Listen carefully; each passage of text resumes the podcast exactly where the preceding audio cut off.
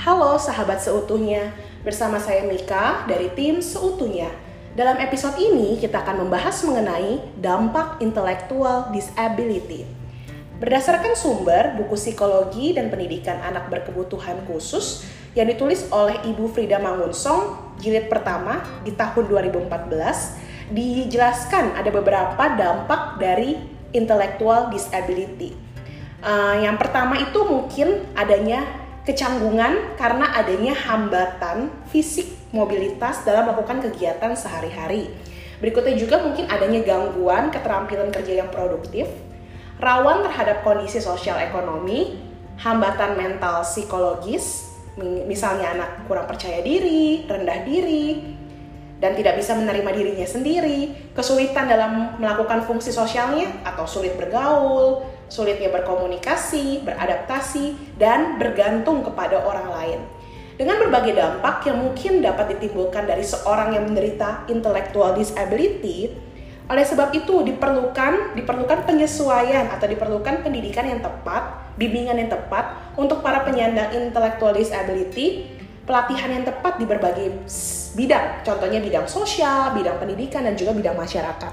Sehingga dengan adanya pelatihan-pelatihan tersebut diharapkan anak atau orang yang menderita intellectual disability bisa memiliki uh, kehidupan yang lebih mandiri dan berpotensi untuk jadi pribadi yang lebih baik lagi. Nah, kita akan bahas nih bidang-bidang yang bisa diimprove, yang bisa ditingkatkan untuk anak atau untuk orang dengan latar belakang disabilitas mental. Yang pertama itu di bidang pendidikan.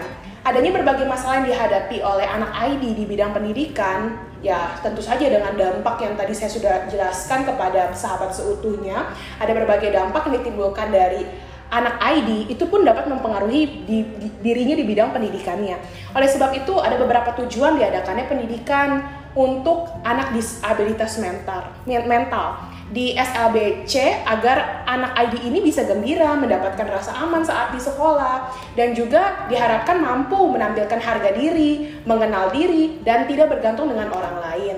Mereka juga diharapkan dan dilatih untuk bisa melakukan hubungan sosial yang baik, Contohnya dapat bergaul, menerima norma dalam masyarakat, dan mampu juga bekerja dan menghasilkan produk untuk membantu perekonomiannya kelak. Jadi tidak mengandalkan atau tidak bergantung kepada orang lain selamanya. Dan juga dapat berpartisipasi diharapkan bisa hidup di masyarakat dengan baik dan berpartisipasi di, pada masyarakatnya.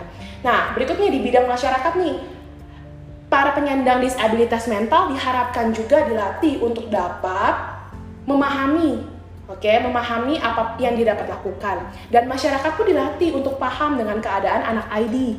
Tidak hanya melabel, biasanya kan orang-orang yang tidak paham dengan adanya anak ID, biasanya mereka tuh melabel, melabel, oh iya kamu uh, anak tersebut adalah anak yang bodoh atau gimana.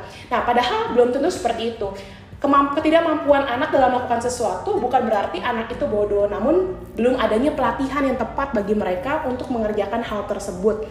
Ditambah lagi karena adanya ketidakmampuan sosial untuk mengekspresikan dirinya secara sosial sehingga anak ID itu sering kali tersingkirkan atau sering kali dianggap remeh oleh masyarakat di sekitarnya. Nah, ini perlu adanya kesadaran nih dari masyarakat dan juga orang-orang di sekitarnya untuk bisa memahami lebih lanjut mengenai anak ID itu sendiri. Dan juga anak ID itu perlu diberikan bimbingan untuk lebih mandiri dalam bersosialisasi lewat berbagai hal dan juga dalam merawat diri, menata kehidupannya, kehidupan rumah tangganya kelak dan juga mampu berpartisipasi dalam kelompok sosial.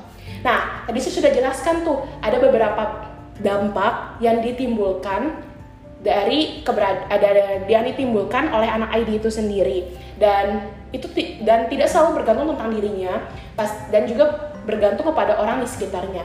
Oleh sebab itu perlu adanya pendidikan yang tepat bagi kita masyarakat dan juga bagi anak ID itu sendiri untuk bisa mengembangkan potensinya, untuk bisa untuk bisa mandiri dan untuk bisa hidup sesuai dengan potensi yang mereka miliki. Jadi anak ID itu bukan anak yang bodoh, no bukan. Kita bisa melatih anak ID sehingga anak ID itu dapat diterima di masyarakat dan memiliki kemampuan yang cukup untuk membuat dirinya mandiri suatu hari kelak. Terima kasih sahabat seutuhnya. Nah, apakah sudah jelas? Nah, kalau sudah jelas, tadi kita sudah diskusi mengenai dampak dari intellectual disability dan peranan masyarakat serta sekolah dalam membimbing anak ID itu sendiri. Untuk lebih mendapatkan pemahaman yang utuh, kita sambung yuk di episode berikutnya. Perjalanan seutuhnya, know, learn, and apply better. See you!